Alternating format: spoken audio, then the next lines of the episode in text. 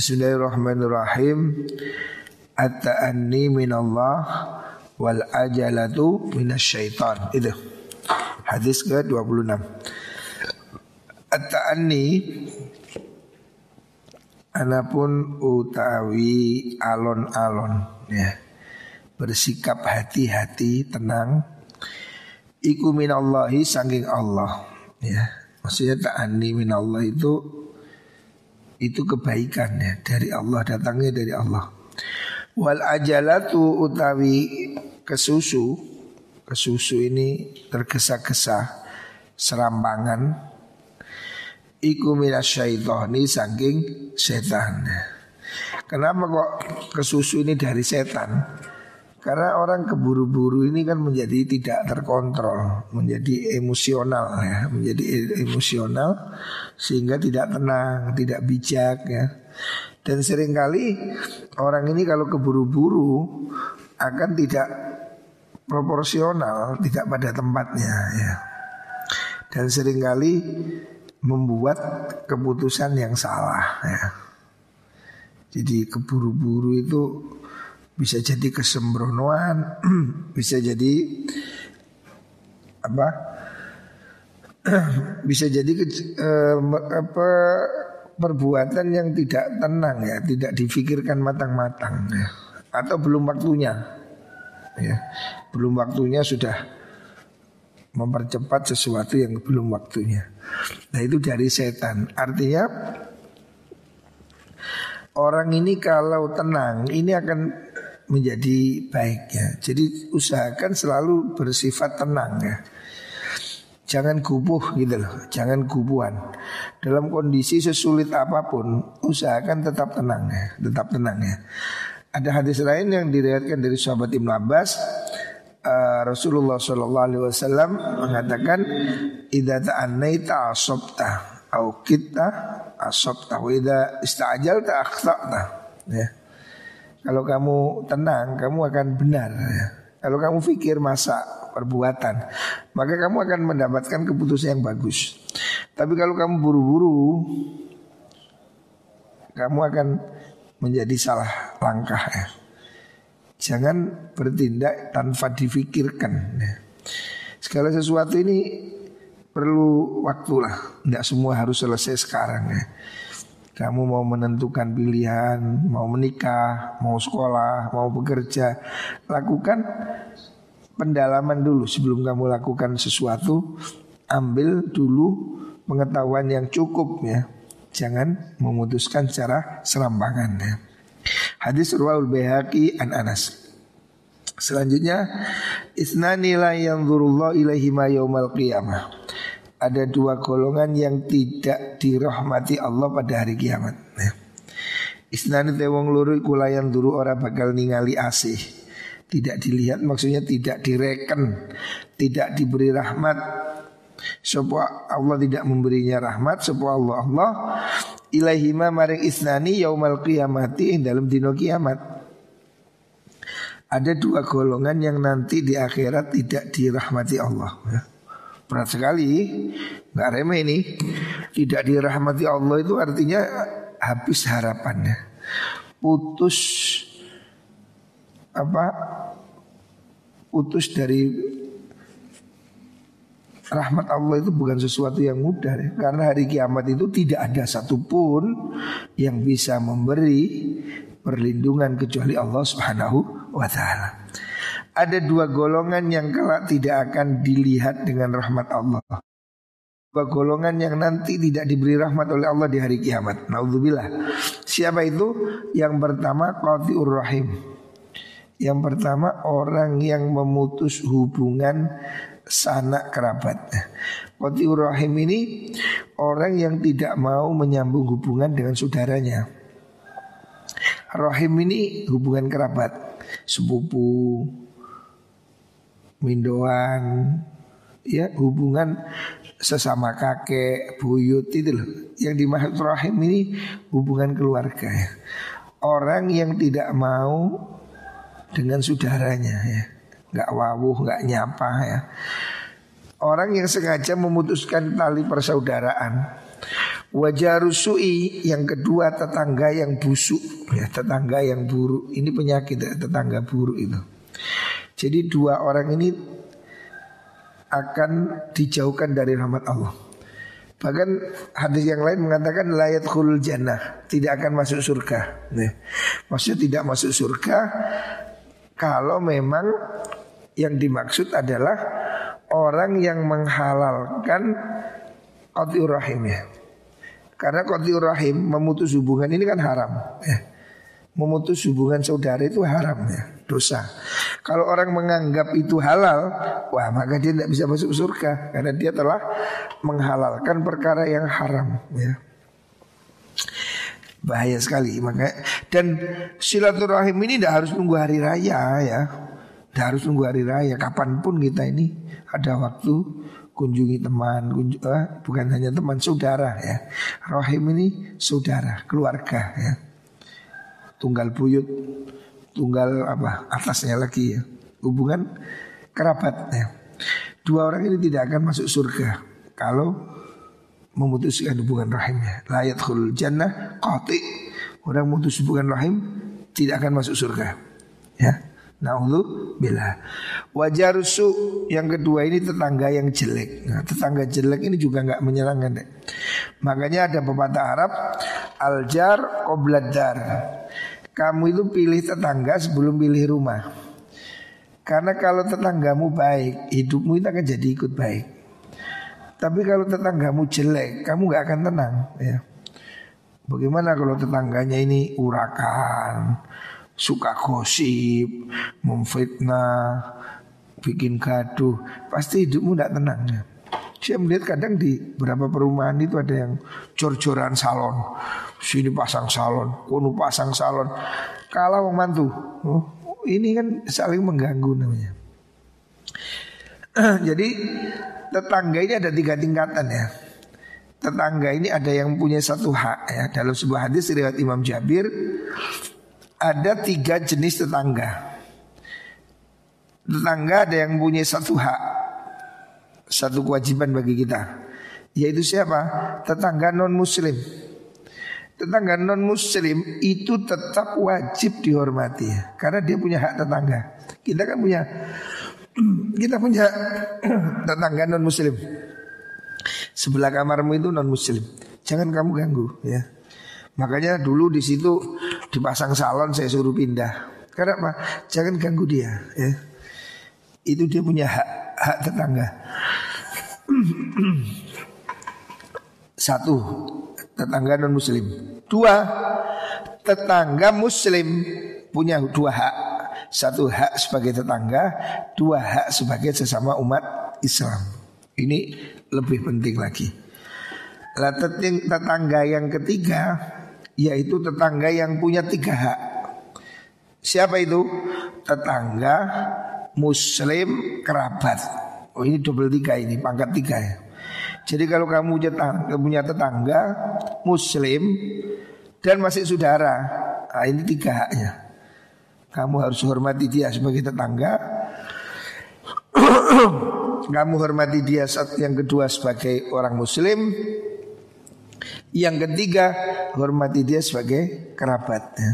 Nah, ini jangan jangan diabaikan ya. Jangan seperti hari ini orang bagi zakat ke mana-mana tapi tetangganya diabaikan, tidak boleh. Dahulukan tetanggamu ya, walaupun dia orang non muslim beri dia kebaikan ya. Ater-ater umpamanya beri semua, jangan pilih-pilih ya. ya. Isnani arwahu dailami anas. Selanjutnya isnani yakrahumuhuma ibnu Adam. Ada dua hal yang tidak disukai oleh anak Adam ya. Isnanu te perkara loro iku yakrahu sengit huma ing isnani sapa ibnu Adam anak Adam. Ada dua hal yang tidak disukai manusia ya. Padahal itu baik. Yang pertama, yakrahu sengit sapa ibnu Adam al mauta ing mati. Orang membenci kematian. Wal mautu khairun lahu minal fitnah. Padahal kematian itu lebih baik daripada hidup dalam fitnah ya. Wal mautu mati ku khairun lebih bagus lahu kedua ibnu Adam. Minal fitnah timbang saking fitnah ya, daripada hidup yang penuh derita lebih baik mati ya. Jadi orang ini semua takut mati. Walaupun miskin tetap ingin hidup ya. Walaupun sedih ingin hidup. Kecuali orang yang frustasi ya. Sesungguhnya kematian itu tidak buruk. Kematian itu adalah pintu menuju Allah Subhanahu wa taala. Banyak orang ingin masuk surga tapi tidak ada orang ingin mati. Padahal kalau nggak mati surganya di mana? Ya ada ya mati itu. Banyak orang ingin kaya tapi tidak mau bekerja. Banyak orang ingin pinter tapi tidak mau belajar. Nah itu aneh ya, keajaiban itu.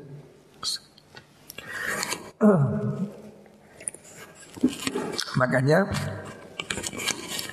kita ini harus punya kesiapan ya. Jadi mati itu pasti lah. Siap gak siap semua orang pasti mati ya. Makanya jangan takut mati. Ya jangan ingin mati ya, ingin ya hidup ini semoga lebih baik dari mati. Tapi kalau mati itu lebih baik, ya sudah ya, jangan takut mati gitu. Fitnah yang dimaksud apa ini? Al maudhu khairun lahu minal fitnah. Kematian itu lebih baik daripada fitnah. Maksudnya adalah yang dimaksud fitnah ini ulama mengatakan yang dimaksud itu fitnah yang dalam keimanan seperti jadi murtad, jadi musyrik gitu loh. Itu lebih baik mati artinya kita tidak ada pilihan. Kalau pilihannya itu seperti yang ditawarkan Dajjal, hidup kafir mati syahid, kita pilih mati syahid aja. Kematian lebih baik daripada fitnah. Fitnah itu bisa jadi musyrik, murtad atau kehidupan yang penuh dosa ya. Kehidupan yang ya penuh bencana, penuh musibah, azab ya. Jadi kematian itu mungkin terbaik. Makanya ada salah satu doa Rasulullah Shallallahu Alaihi Wasallam. Rasulullah pernah berdoa, "Idza aradna fitnatan fi qaumin fatawaffani ghaira maftunin." Ya Allah, kalau engkau ingin menghancurkan sebuah kaum maka matikan kami sebelumnya supaya kami tidak terkena fitnah itu ya. Jadi daripada hidup dalam fitnah, dalam kekafiran, dalam kemusyrikan, mungkin kematian itu lebih baik. Ya. Yang kedua, wayakrahu gillatal mal. Wayakrahu lan sengit sopo wong gillatal mali ing kidike bondo. Orang itu rata-rata tidak suka uangnya sedikit. Semua orang kepingin kaya. Karena miskin ini pilihan yang buruk pada zaman akhir ini.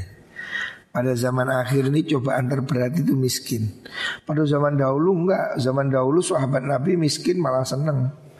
Wali-wali dulu itu miskin malah bangga. Sebab orang-orang miskin ini orang yang dicintai Allah. Rasulullah mencintai orang miskin. Tapi hari ini orang menganggap miskin ini bencana, ya. bencana, susah. Makanya orang itu gengsi jadi miskin. Kecuali kalau ada bantuan, ngaku miskin semua. Wakilatul mali utengi di bondo iku akal luwe enteng luwe ringan lil hisabi maring hisab. Semua orang tidak ingin miskin. Banyak orang yang tidak siap miskin. Seharusnya kita ini hidup ini siap miskin. Siaplah miskin kalau kaya alhamdulillah.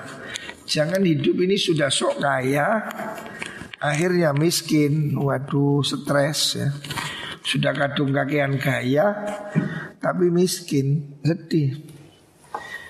Miskin itu bukan jelas sebetulnya. Orang miskin itu tidak masalah. Kaya miskin itu semua dari Gusti Allah.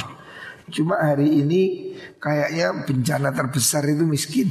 Orang ini takut miskin. Makanya kalau dulu kita mendengar ad-dunya.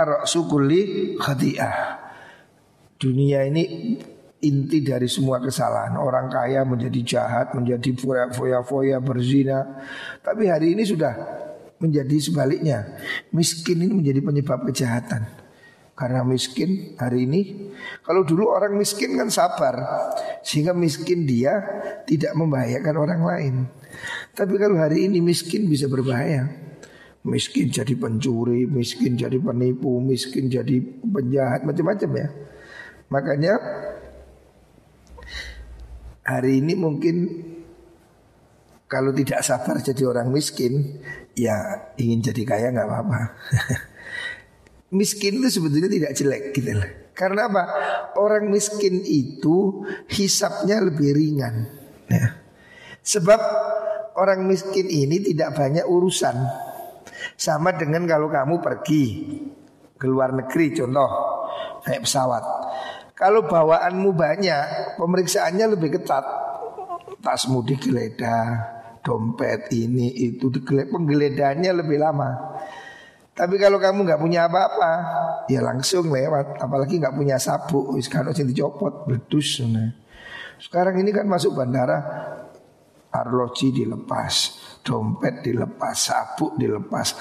Bahkan di Amerika itu lebih ketat lagi. Saya waktu pergi ke Amerika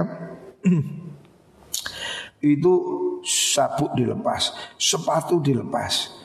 Untung celana gak dilepas. Jadi waduh repot balik lagi, balik lagi. Padahal saya bilang Amerika ini kan negara sudah canggih. Kenapa kok nggak menciptakan radar atau apalah scan? Kan kelihatan Hari ini loh jantung bisa difoto. Orang ini pembuluh darah darahnya ini. Jantung ini bisa difoto seperti foto foto apa tiga dimensi. Jelas. Aliran darahnya tersumbat di mana? Kelihatan. Masa nguasi dompetnya gak iso? Eh, orang ini anu apa ya? Menjadi ketakutan dengan sendirinya saya kesulitan masuk itu waktu ke Israel, ke Palestina. Itu juga begitu.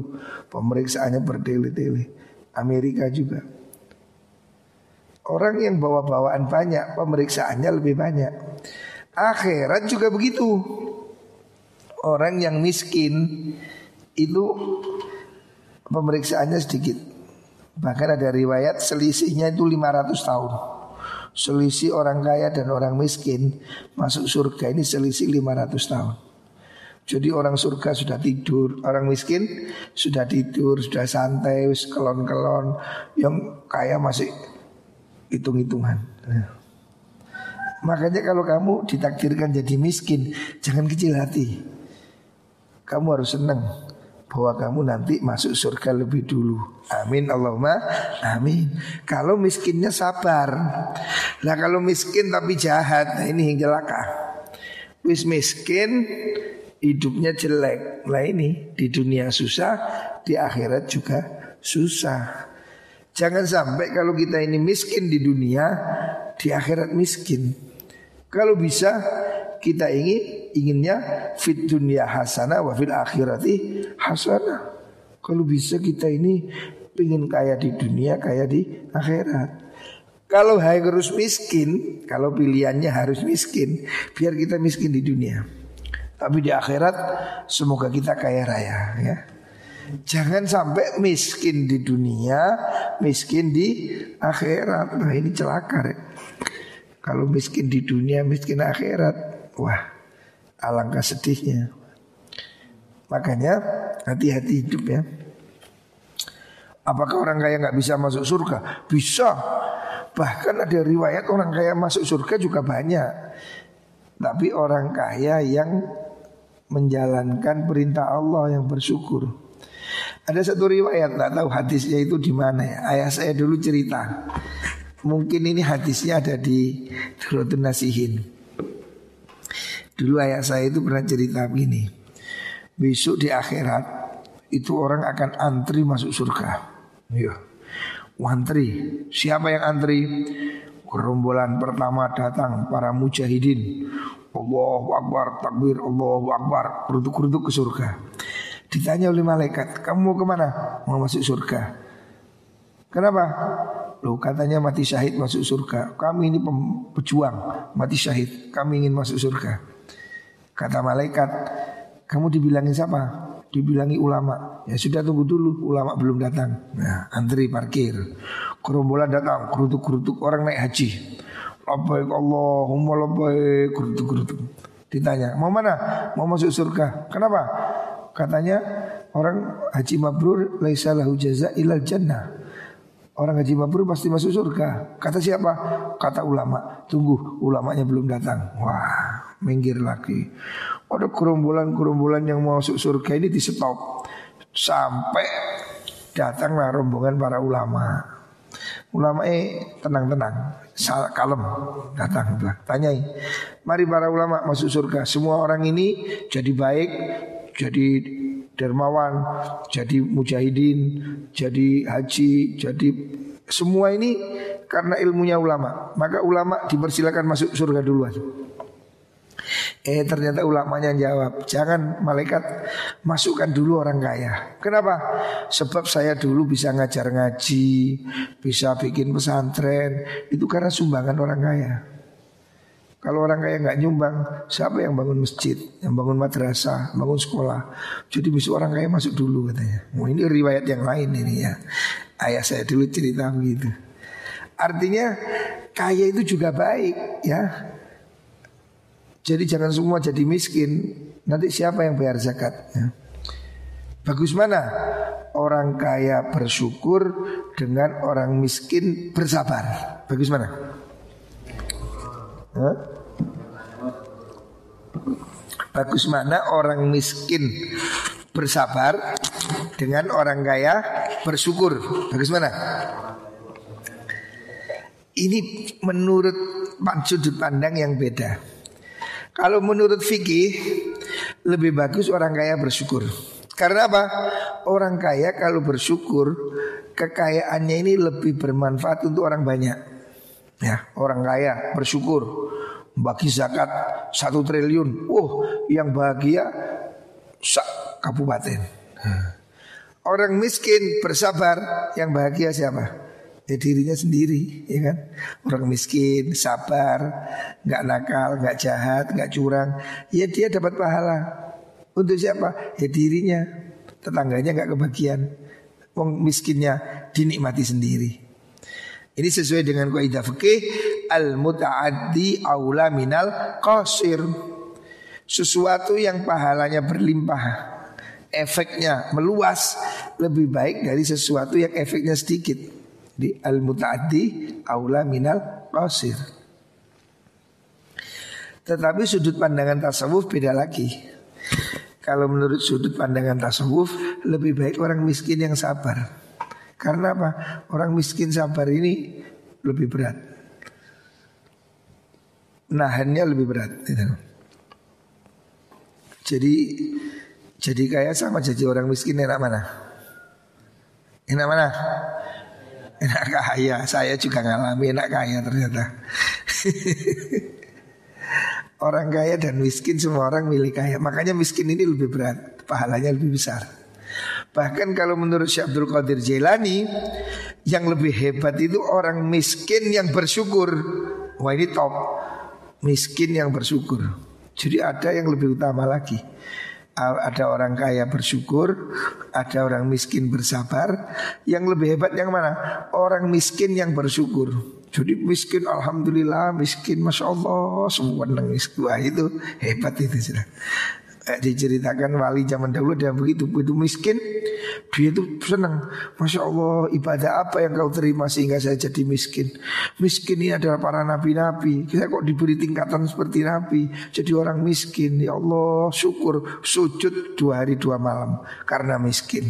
Nah ini lain lagi ini sudah. Ini tingkatan yang di luar imajinasi kita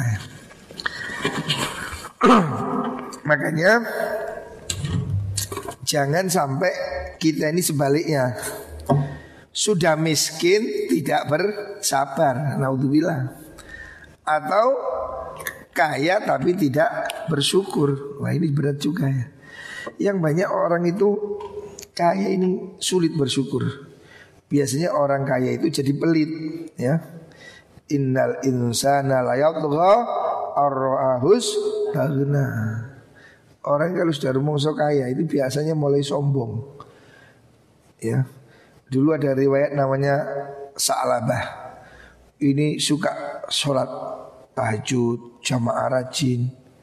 Minta didoakan Nabi ingin kaya. Sama Nabi udah dibilangin Sudah kamu miskin gak apa-apa Yang penting kamu sergap jamaah Oh Nabi saya kepingin kaya Nanti kalau kaya saya tambah rajin jamaah Bangun masjid, bangun musola Suatu saat datang lagi Nabi doakan saya kaya Karena berkali-kali oleh Rasulullah SAW didoakan orang ini supaya kaya. Apa yang terjadi? Ketika kaya dia itu ternyata betul mulai sibuk zuhur gak jamaah karena dia sibuk. Lama-lama asar gak jamaah, lama-lama maghrib, susu jumatan, susu gak jumatan.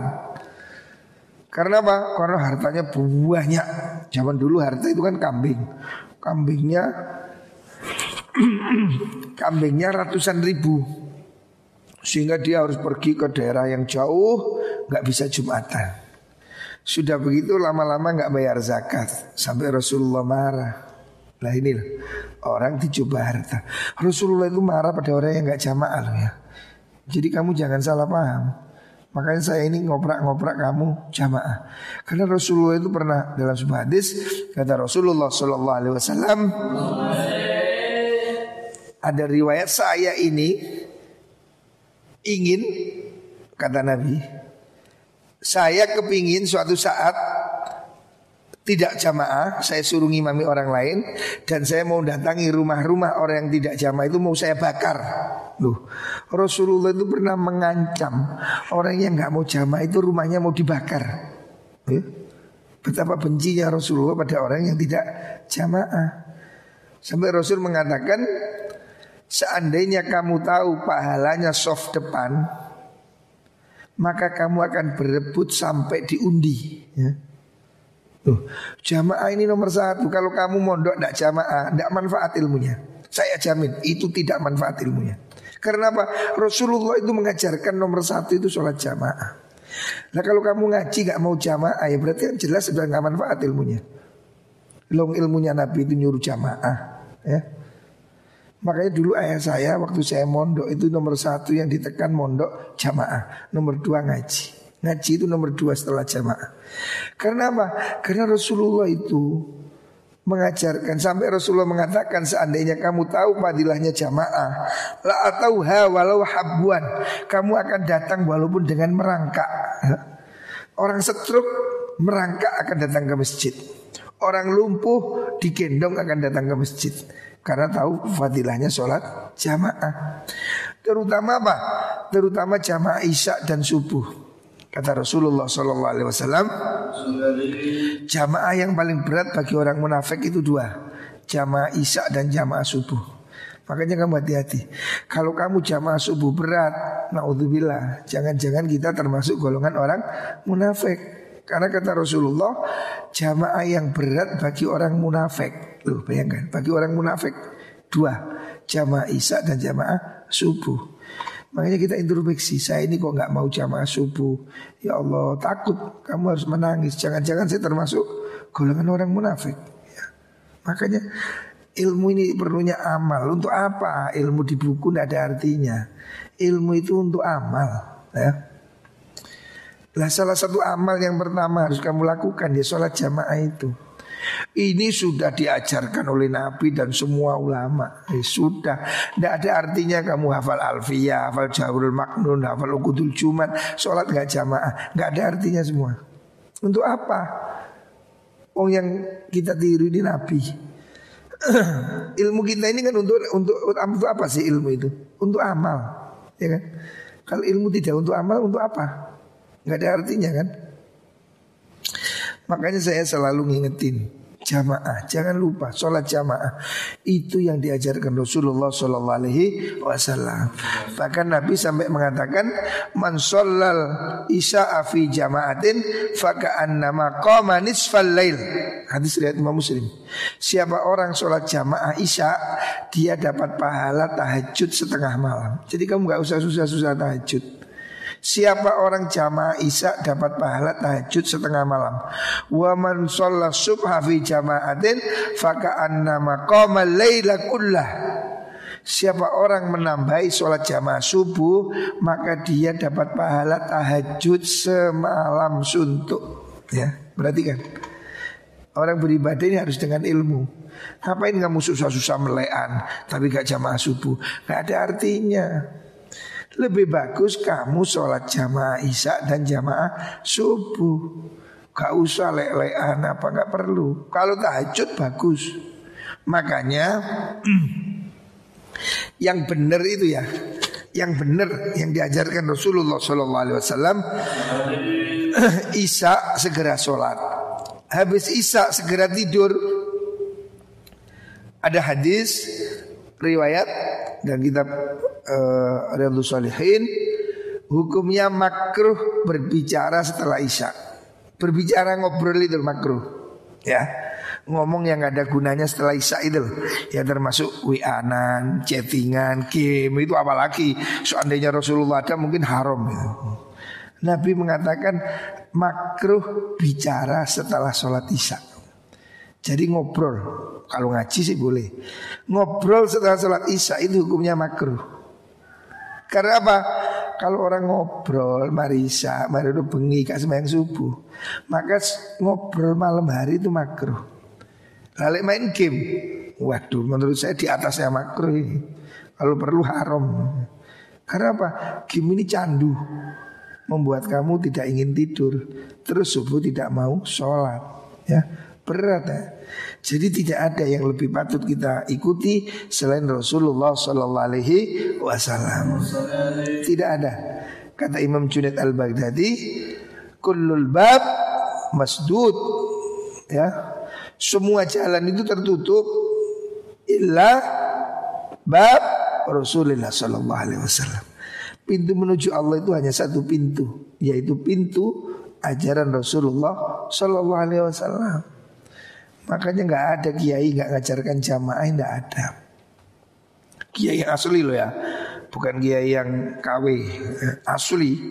Ya saya lihat sendiri ya kakek saya Ki Anwar Tidak pernah sholat nggak jamaah Walaupun sakit ya Bayi Anwar itu Sebelum meninggal Itu beliau itu sakit Tidak bisa sholat berdiri Beliau tetap jamaah Di kamarnya sambil duduk jadi beliau walaupun sudah posisi tidak kuat ke musola. Asalnya datang ke musola digendong Sudah nggak kuat ke musola Kakek saya itu umur 93 tahun ya Pendiri pesantren ini. Beliau udah tidak kuat sholat ke musola Dia sholat di kamar. Walaupun sholat di kamar Subhanallah Saya ini melihat dengan mata kepala saya. Bayi Anwar itu melakukan sunnah itu luar biasa apa ya sunnah yang nggak pernah ditinggal Mbak Yanwar? Pakai siwak. Selamanya saya tidak pernah melihat Yanwar tidak bawa siwak. Sampai sebelum meninggal. Jadi saya saya ini kan cucu. Saya ini cucunya Mbak Yanwar laki-laki yang paling tua. Sehingga saya ini sejak kecil dekat sama beliau. Mbak Yanwar itu kalau sholat mesti pakai siwak. Yang kedua mesti pakai surban. Walaupun sudah sholat sendiri di kamar Saya makmum. Jadi saya datang Waktunya sholat Saya makmum pada Kianwar Mbak Yanwar sholat sambil duduk. Saya berdiri makmumnya. Tidak apa-apa makmumnya berdiri. Kakek saya sholat duduk Saya makmum. Itu beliau masih pakai surban oh, Pakai surban Mahkota orang Islam itu surban Jadi kakek saya itu kalau sholat Jubahan surbanan Dan Bayi Anwar itu tidak punya baju selain warna putih. Rorek tidak punya, batik tidak punya. Bahkan sejedahnya, sejedah yang dipakai Ki Anwar itu kain putih. Luar biasa. Saya pernah sholat di belakang beliau Waktu beliau sudah sakit itu Saya bawa sejedah, ditoleh Kata Mbak Yanwar itu sejadah suruh balik. Sholat jangan menghadap gambar. Bayangkan. Saking hati-hatinya. Lu ini ilmu yang tidak diajarkan di sekolahan ini. Jadi ilmu yang saya lihat langsung dari orang. Makanya disebutkan berkawan suhbatul ulama, berkawan melatih ulama itu mungkin lebih dari belajar satu tahun. Artinya kamu tidak dapat di sekolahan. Saya melihat yang dilakukan Ki Anwar. Saya melihat yang dilakukan ayah saya Ki Burhanuddin Hamid. Ayah saya itu tidak pernah tidak tahajud setiap malam. Mulai saya kecil saya sejak kelas SD itu sudah wajib tahajud setiap malam Jumat. Ketika saya masuk SMP wajib tahajud setiap malam. Dan itu ayah saya sendiri yang bangunkan. Gak boleh tidak. Bahkan walaupun ayah saya itu kan kalau malam pengajian. Ayah saya Ki Burhan itu kalau malam sering isi pengajian. Pulang jam 2, pulang jam 1, tetap tahajud. Jadi bila itu bisa tidur 15 menit Mungkin tidur cuma setengah jam ya Tahajud. Kalau kita tidak bisa tahajud Ya dengarkan. Apa yang membuat kamu tidak bisa tahajud? Yang membuat kamu tidak bisa tahajud itu Yang pertama banyaknya dosa. Jadi kita ini harus introspeksi Kalau kita malam hari sulit tahajud Gerayawono atimu dewi Ya kalau kamu sulit tahajud, salah satu penyebabnya itu dosa. Apakah di hati kita ini banyak dosa? Apakah hati kita ini ada unek-unek yang jelek ya? Maka bersihkan hatimu. Kalau orang hatinya bersih pasti mudah sholat tahajud. Yang kedua dia harus apa? Memperbanyak ibadah di siang hari, termasuk itu banyak baca Al-Quran dan tidur siang. Usahakan siang tidur sebelum tidur atau setelah tidur tidur sejenak supaya malam hari bisa bangun. Ya. Ini kelihatannya remeh, tapi ini lebih penting ya. Ini lebih penting daripada kamu daki-daki tapi nggak jamaah subuh, nggak ada gunanya ya bicara Islam intelektual tapi gak jamaah subuh. Halah gak ada artinya. Ucap muluk-muluk jamaah subuh ini lebih penting. Karena kata Rasulullah Sallallahu Alaihi Wasallam man subha fi jamaatin kana fi zimmatillah. Siapa orang sholat subuh jamaah dia dalam perlindungan Allah. Emang kamu tidak ingin dilindungi Allah? Ini harus ada motivasinya harus ada ya Supaya kamu jangan ngeremehkan sholat jamaah ya. Ini penting rek. Fadilahnya jamaah ini penting. Maka saya katakan kalau orang mondok tidak mau sholat jamaah itu sudah tidak manfaat ilmunya sudah. Karena apa ajaran Nabi yang pertama itu ya sholat jamaah itu. Lah bagaimana mau ngamalkan yang lain, mau ngamalkan jamaah aja nggak bisa. Emang ngaji itu ngajar kanjeng Nabi pernah ngajar nahu. Emang kanjeng Nabi itu pernah ngajar jurmiyah. Enggak Yang diajarkan Nabi itu ya sholat Jamaah Akhlak yang baik ya. Jadi Yang harus kita lakukan itu Makanya kita ihya itu nggak bahas yang aneh-aneh. Ya sudah bab ibadah Sudah selesai. Karena yang wajib bagi kita itu itu Gitu Jadi Ilmu kita ini harus manfaat. Ilmu manfaat itu apa sih? Ya ilmu yang berguna untuk diri kita Diri kita sendiri bukan orang lain dulu. Manfaat itu pertama untuk diri kita Mengubah hidup kita jadi baik itu. Yang nomor satu apa? Yang nomor satu itu sholat jamaah. Walaupun tidak jamaah di musola Jamaah Saya ini berusaha jamaah di kamar Sama istri saya ya. Jamaah saya Pokoknya kalau bisa jamaah Sebisanya ya Ayah saya dulu kalau pergi Datang jam 4 sudah jamaah. Manggil orang. Eh diajak sholat lagi. Jamaah. Begitu juga Mbak Yanwar. Ya, seperti itu. Jadi ini penting. Tidak usah walaupun gelarnya sundul langit profesor doktor tapi kalau gak jamaah subuh lah nggak ada artinya. Emang kanjeng Nabi ngajari apa? Kanjeng Nabi itu ngajari sholat jamaah. Itu nomor satu ya Jadi jangan diremehkan ya. Gak usah tinggi-tinggi lah. Cerita tentang konsep Islam ilmiah apa menjama subuh orang. Tidak usah. Tidak ada artinya. Nabi itu nggak tinggi tinggi yang pertama apa? Sholat jamaah ya. Nomor satu sudah. Baru terus sholat sunnah yang lain. Tahajud sholat duha dan seterusnya ya. Nggak usah kita yang dur-dur ya ini ilmu yang lebih praktis hari-hari makanya kita itu hidayah itu Kitab yang paling praktis Imam Ghazali Bidayatul Hidayah itu hanya ngajarkan bagaimana bangun tidur sampai tidur ibadahnya. Ya itu aja sudah. Padahal Imam Ghazali ini sudah mengembara, sudah mengarang kitab Al-Wajiz, Al-Wasid, Al-Basid, Al-Mustasfa, udah kitabnya banyak alimnya top pada akhir hayatnya yang dia pikir cuma bagaimana ibadah mulai bangun tidur sampai tidur. Itu aja sudah concern hidupnya di situ.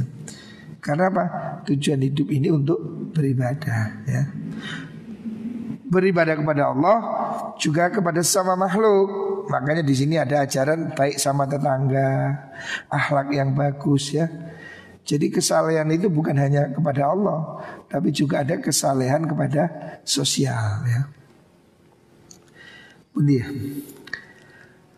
Ithnani yaj'alahum Allah fid dunya yu'ajjilahum Allah fid dunya al-baghyu wa uququl walidin ya. Ini perhatikan hadis yang terakhir Rasulullah sallallahu alaihi wasallam bersabda ithnani ya'ajjila yu'ajjilahum Allah fid dunya. Isnani utai perkara luru ada dua hal. Yu'ajjilu kang nyepetaken sinten Allahumma ing isnani ada dua hal yang oleh Allah dipercepat dipercepat. Maksudnya dipercepat siksanya ya ada dua perbuatan yang siksanya dipercepat oleh Allah bahkan di dunia sebelum di akhirat ya.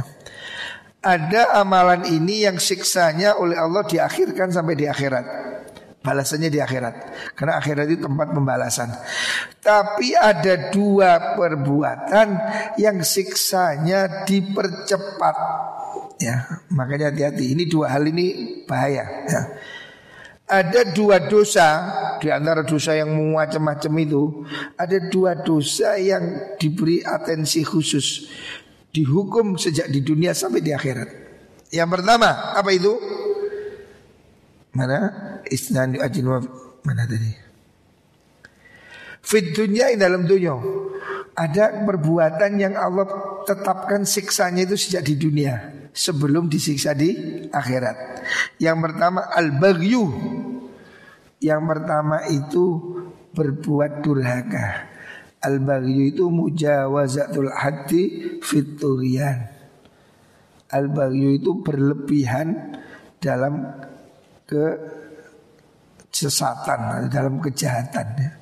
al baghyu itu artinya perbuatan durhaka kepada orang lain ya artinya al baghyu itu melanggar hak orang lain ya menyakiti orang ya itu sering kali siksanya oleh Allah ditampakkan di dunia. Contoh, kamu lihat itu dulu Panglima Israel yang namanya Ariel Sharon. Oh, itu kan kejam, penjahat perang dia. Allah siksa di dunia sebelum mati dia tujuh tahun hidup di atas ranjang sampai tidak hidup, tidak mati disiksa oleh Allah dengan penyakit yang gak ada obatnya sebelum dia mati. Karena apa? Dia jahat betul. Jadi orang yang berbuat kejahatan pada kemanusiaan Dia akan disiksa oleh Allah di dunia sebelum di akhirat ya. Satu, al-bagyu Al-bagyu itu kejahatan kemanusiaan ya. Menyakiti orang lain Yang kedua Wa'ukukul waliden Durhaka pada orang tua ya. Durhaka pada orang tua itu siksanya mulai di dunia sampai di akhirat ya. Makanya saya ingatkan kamu ya Catatan kalau kamu ingin hidup mulia, muliakan orang tua. Ya. Ini ini kata-kata yang disepakati semua agama. Muliakan orang tuamu, kamu pasti hidup mulia. Sebaik sebaliknya, kalau kamu durhaka orang tuamu, hidupmu pasti susah. Ya.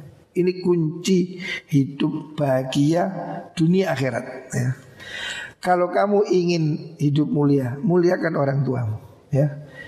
Perlakukan orang tuamu seperti raja, kamu akan mulia seperti raja. Ya. Contoh yaitu yang kemarin saya katakan wali yang diakui Rasulullah Shallallahu Alaihi Wasallam Uwais al Qarni Uwais Qarni itu anak yang berbakti pada ibunya. Ada sahabat mau datang pada Rasulullah Shallallahu Alaihi Wasallam. Dia mau pergi perang. Mau jihad. Jihad ini kan pahalanya besar mati syahid. Ketika ditanya oleh Rasulullah kamu punya ibu? Iya pulang. Layani ibumu. Jadi Rasulullah lebih memilih kamu layani ibumu daripada perang. Ya, perhatikan. Kamu melayani orang tuamu, berbakti pada orang tuamu, itu pahalanya tidak lebih kecil daripada jihad fi sabilillah. Makanya Imam Malik Imam Ahmad dalam sebuah riwayat itu sangat menghormati ibunya luar biasa. Sangat menghormati orang tuanya luar biasa. Imam Ahmad hadis ini diriwayatkan Imam Ahmad. Imam Ahmad itu sangat memuliakan pada ibunya Karena apa? Belum meriwayatkan satu hadis Ada sahabat mau pergi perang Mau jihad visabilillah Yang tawarannya itu surga Itu oleh Rasulullah disuruh balik Ketika dia mau daftar jihad Rasulullah tanya Kamu masih punya ibu? Iya pulanglah layani ibumu. Jadi dia yang mau daftar mati syahid ini oleh Rasulullah disuruh balik, disuruh ngeladeni ibunya. Artinya apa? Berbakti pada orang tua itu pahalanya tidak lebih kecil dari jihad fi sabilillah. Makanya Imam Ahmad itu sangat menghormati orang tuanya ya karena hadis itu. Karena dia merasa itu pahalanya sudah sepadan dengan jihad fi sabilillah. Makanya di ini disebutkan ada dua dosa besar ya di antara dosa besar yang lain ya kan macam-macam dosa besar ini. Tapi ada dua dosa besar yang diberi catatan oleh Rasulullah Shallallahu Alaihi Wasallam. Ini siksanya akan dipercepat di dunia sebelum di akhirat. Satu berbuat jahat pada orang lain, al bagyu kejahatan pada kemanusiaan.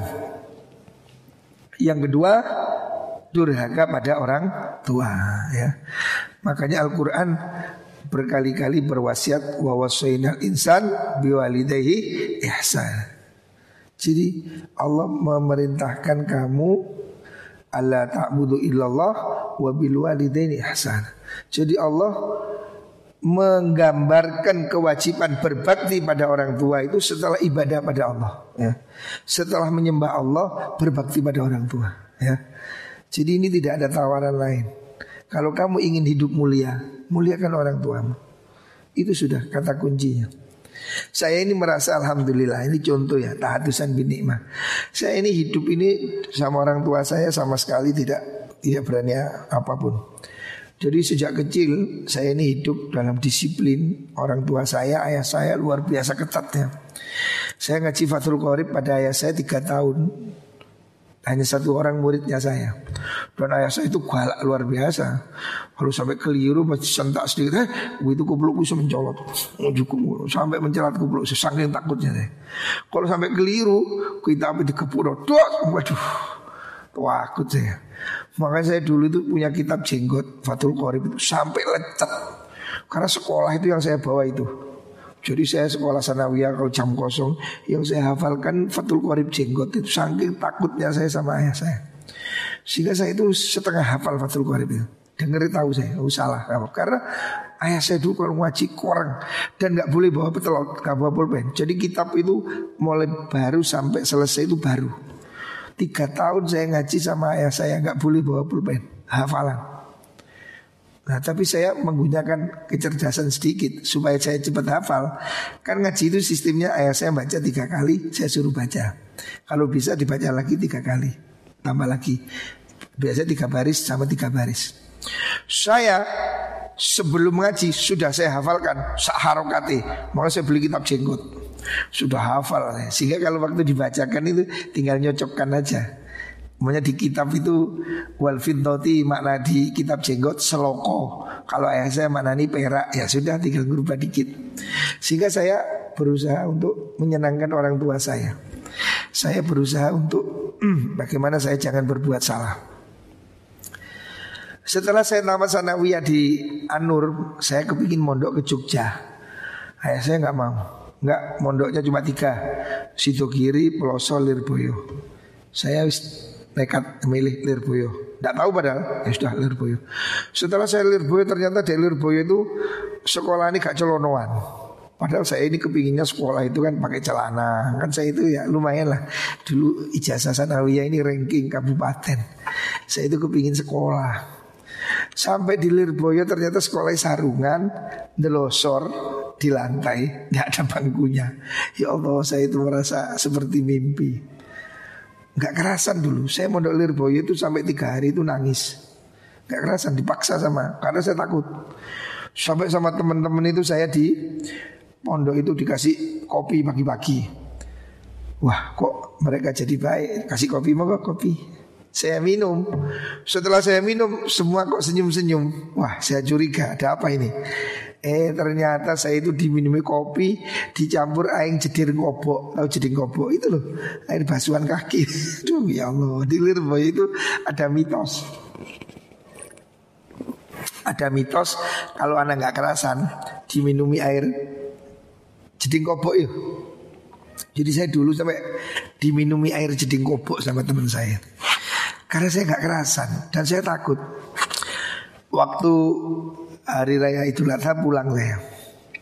Terus saya bilang ibu saya kalau saya nggak kerasan. Saya takut sama ayah saya. Saya saya dengar saya dipanggil. Kamu kalau nggak kerasan pulang, nggak usah sekolah-sekolahan, ngarit. saya disuruh ngarit. Tak tuh kalau sapi ngarit. Waduh, daripada ngarit, ya balik ke pondok. Jadi saya itu Alhamdulillah tapi hari ini saya bersyukur.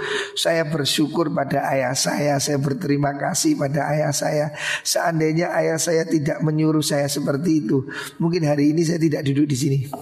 Ya. Saya mensyukuri pendidikan ayah saya itu dan saya merasa berhutang budi apa yang saya lakukan ini karena ayah saya. Berkah ayah saya. Padahal waktu itu saya masya Allah sudah nggak boleh sekolah, mondok Lirboyo. Tamat Lirboyo, tamat sanawiyah Lirboyo saya sudah punya ijazah aliyah ikut bersamaan. Saya mau sekolah ke Mesir, nggak boleh suruh mondok lagi, ya mondok lagi. Tamat aliyah Lirboyo saya mau kuliah, sudah siap. Eh sama kiai dibilang gak usah kuliah ngaji, ya ngaji lagi. Jadi saya itu berbekal taat. Saya matur ayah saya, ya Dawi yai mboten bareng kuliah. Ayah saya apa bilang? Manuto nang gurumu. Is kak bobo, gak usah kuliah. Jadi saya itu terhenti kuliah sampai saya punya anak. Ya tapi alhamdulillah Berkahnya saya manut ayah saya Hari ini saya kuliah sampai S3 sampai doktor Saya sudah pernah ikut kursus di Inggris Saya pernah tinggal di Amerika Saya sudah pernah pergi ke Eropa Sudah keliling dunia Kalau seandainya saya nggak manut ayah saya Saya tidak seperti ini jadi saya berterima kasih pada ayah saya. Makanya kenapa pondok ini saya namakan Al Burhan sebagai penghormatan saya pada ayah saya. Seandainya ayah saya dulu tidak bersikap keras pada saya seperti ini, hari ini mungkin saya bukan apa-apa. Jadi saya mensyukuri pendidikan ayah saya. Keras saya saya itu galak. Saya pernah ngaji jurumiyah sama ayah saya hafalan. Tidak hafal ilatnya ghairu munsorif sama ayah saya diberdirikan di depan rumah ditunggu dari pondok timur itu waktu pembangunan musola ayah saya duduk di depan binam situ saya suruh berdiri di depan rumah hafalannya jadi saya ini muridnya cuma satu tapi masih suruh berdiri. Nggak hafal suruh berdiri sama ayah saya. Itu disiplin. Nah ini pendidikan yang membekas di hati saya disiplin. Disiplin itu seperti gelas ini. Fokus. Wedang ini kalau nggak ada gelasnya nggak bisa diminum. Iya tak no, ambiar. Jadi kita tidak bisa minum kalau tidak difokuskan di gelas. Lah, fokus ini namanya disiplin ya. Jadi kamu ingat kamu catat 30 tahun dari hari ini. Saya kita tanggal berapa? 16. Tanggal 16 April, April tahun 2020 Kamu catat 30 tahun dari hari ini Tanggal 16 April tahun berapa? 30 April tahun 2050 ya catatan. Bu kayak kita pun si iling buka lu ya biar 30 tahun yang lalu saya sudah ngomong kamu akan menyesali apa yang tidak kamu perbuat bukan apa yang telah kamu perbuat. Kamu akan menyesali apa yang tidak kamu perbuat. Ya. Bukan apa yang telah kamu perbuat. Kamu akan menyesali apa yang tidak kamu perbuat. Ya, sekarang saya nyuruh kamu rajin, kamu tidak rajin, kamu akan nyesel. Iya, dulu kalau saya rajin mungkin hidup saya lebih baik. Iya, dulu kalau saya hafal Quran mungkin saya speed. Kamu akan menyesali apa yang tidak kamu lakukan hari ini. Ya, catatan 30 tahun lagi sejak hari ini. Hari ini tanggal berapa? 16 April 2020 30 tahun lagi dari hari ini kamu lihat catatanmu. Kamu akan menyesali apa yang tidak kamu lakukan. Bukan apa yang kamu lakukan. Saya hari ini itu tidak menyesal sekali apa yang saya lakukan. Dulu saya ngaji sama ayah saya apa Fathul Qorib hafalan, Jurumiyah hafalan. Hari ini saya syukuri saya mensyukuri saya dulu diondokkan ayah saya walaupun saya menangis, walaupun saya nggak kerasan. Hari ini saya syukuri. Apa yang dulu saya tangisi, hari ini saya banggakan. Hari ini saya merasa bersyukur terhadap apa yang dulu saya tangisi itu. Dulu saya mondok itu nggak mau. Hari ini saya bangga seandainya saya nggak mondok, saya nggak jadi apa-apa. Sudah banyak contoh anaknya kiai nggak mondok, gak jadi apa-apa. Mau jadi apa dia? Ya, makanya 30 tahun lagi dari hari ini catatan kamu akan menyesali apa yang tidak kamu lakukan ya. bukan apa yang telah kamu lakukan kamu akan mensyukuri apa yang telah kamu lakukan makanya saya kepingin bangkitkan kesadaran ini kamu harus punya kesadaran masa depannya. Dimulai dari hari ini, ya. Memang waktu terbaik untuk menanam pohon itu 10 tahun yang lalu, ya. Waktu terbaik untuk nanam pohon 10 tahun yang lalu, ya. Kalau 10 tahun yang lalu kamu nanam duren, hari ini sudah oh panen duren, ya kan? Kalau 10 tahun lalu kamu nanam kelapa, hari ini kamu sudah panen kelapa. Waktu terbaik untuk nanam pohon itu 10 tahun yang lalu. Yang kedua hari ini, yang kedua hari ini. Catat. Yang kedua adalah hari ini. hari ini kamu nanam duren, 10 tahun lagi kamu akan bahagia. Itu saya sudah punya pohon duren. Saya sudah mau nanam pohon apa itu? Apukat ya. Jadi kamu harus mau menanam gitu loh. Memang yang terbaik itu 10 tahun yang lalu. Tetapi sekarang itu waktu yang kedua ya. Tidak ada terlambat. Hari ini kamu belum terlambat untuk jadi baik ya. Sul, ini jam Sul. Sul, rungokno. Kamu kamu hari ini ngapalkan Quran Sul. Tiga tahun lagi kamu akan merasakan nikmatnya hidup sebagai penghafal Al-Quran. Saya jamin Sul, pasti mulia kamu. Pastilah. Memang yang terbaik itu Sul Kamu hafal Quran mulai kamu kelas 1 SMK Hari ini sudah hafid Sudah dipanggil Ustadz Samsul Nah Iya itu Sul. Tapi yang terbaik itu yang kedua sekarang Sul. Jadi tidak ada telat. Kamu sekarang hafal Quran Sul. Kamu akan mengubah nasibmu ya. Tidak ada keterlambat ya. Tidak ada terlambat untuk berubah menjadi lebih baik ya. Tidak ada keterlambat ya. Ya tidak ada kata terlambat untuk jadi lebih baik. Sampai ada cerita Ibnu Hajar itu. Ibnu Hajar itu konon orang itu aslinya mondok sudah tua. Merasa udah putus asa. Akhirnya dia itu mondok setuek ke apal-apal mulai pulang hujan menginap di gua. Di gua dia melihat air netes, tes, tes, tes. Dilihat di bawah air netes itu ada batu bolong. Dia mikir, air itu loh kalau menetes bertahun-tahun batu bisa berlubang. Padahal air itu lembut. Tapi kalau netes sekian tahun, batu bisa berlubang. Buktikan itu. Di bawahnya talangnya kadang ada batu. Batu itu ditetesi air sekian tahun berlubang. Jangan kan batu. Saya ini pernah ngecek di Pondok Putri. Wong saya ini punya pondok. Di Pondok Putri itu ya saya itu pernah ngecek mohon maaf ini WC. Tak celok WC Pondok Putri kan kalau liburan itu saya cek WC. WC Pondok Putri kan WC jongkok. Itu di depannya itu bolong. Aku mikir, uyo bener yo. Sari sering kene uyo ya arek wedok yo. Buanter WC itu akeh sing kerowak ngarep bolong. Lah arek lanang kan gak sampai ngono. Karena arek lanang kan pancurannya jauh. Lek wedok kan menekan ke kan arek wedok gak ono nguyu ngadeg. Lah arek wedok nguyu bahaya. Karena anak perempuan kan disiplin kayak kencing jongkok. Itu saya sering ganti WC di Pondok Putri. Itunya apa itu mangkoknya itu WC itu bolong rek. Saya lihat sendiri. Waduh iyo Diyu ya rek bendino WC itu so bolong. Eh, buktinya air itu bisa melubangi batu. Saya lihat sendiri WC Pondok Putri itu sering itunya bolong WC-nya itu mangkok itu bolong Diyu ya rek bendino Oh, tekanan tinggi, musik perawan, tekanan tinggi. Lek wis ini modal lanang enggak tembok iku ning kabeh.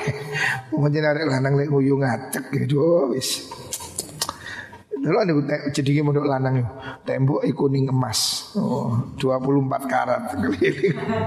Aduh, arek lanang iki ampun ampun.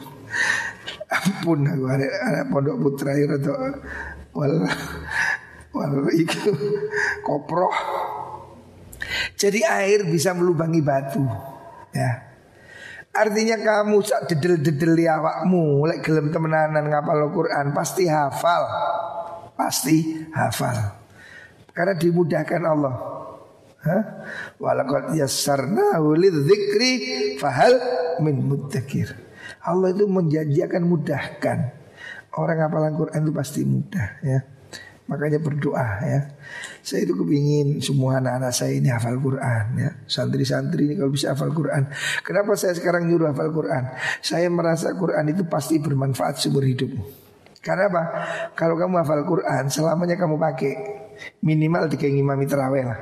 Juga kulhu terus. Ya. Saya ini mondok hafal alfiah, hafal ukudul juman, hafal jawairul maknun. Tapi sampai hari ini nggak ada yang saya ajar Jairul Maknun di murid kau no. Oh diulang alfiyah wis mukok-mukok sekaduren. Jadi saya merasa aduh dulu saya hafalan gudul cuman susah payah hari ini udah gak pernah dibaca muridnya nggak ada. Karena gudul cuman ini sastra untuk tingkat magister di Al Azhar. Bayangkan. Bisa apal. Saya ini kano murid yang kayak gini kano sing magister sastra, um bahasa Arab kano sing entos, kok sastra, keduren. Saya ini ngajar balaghah di Mahat Ali Masjid Akbar Surabaya. Saya kasih Jawahirul Maknun itu sudah keduren. Lu aja mahasiswa saya ku juru miara entos tiga Jawahirul Maknun, wis kan nutut. Jadi harus pakai al balaghah al wadihah. Cara nahwu nahwu wadeh. Makanya makanya saya ini belajar dari pengalaman ini saya menginginkan anak-anak itu hafal Quran. Dan hari ini kita kasih beasiswa tahfid anak-anak di pesantren kita ini kita arahkan tahfid, kita beri beasiswa tahfid. Karena saya kepingin berharap apa sih Al-Quran ini bacanya aja dapat pahala. Satu huruf dihitung satu bah sepuluh kali lipat. Satu huruf loh rek. Alif lam mim itu tiga. Alif lam dan mim. Pahalanya jelas. Ya. Maka saya kepingin ya semoga semuanya ini bisa hafal Al-Quran ya. Kalaupun tidak semua ya sebagian lah ya. Muka-muka kita semua dapat syafaatnya Al-Quran. Amin Allahumma amin.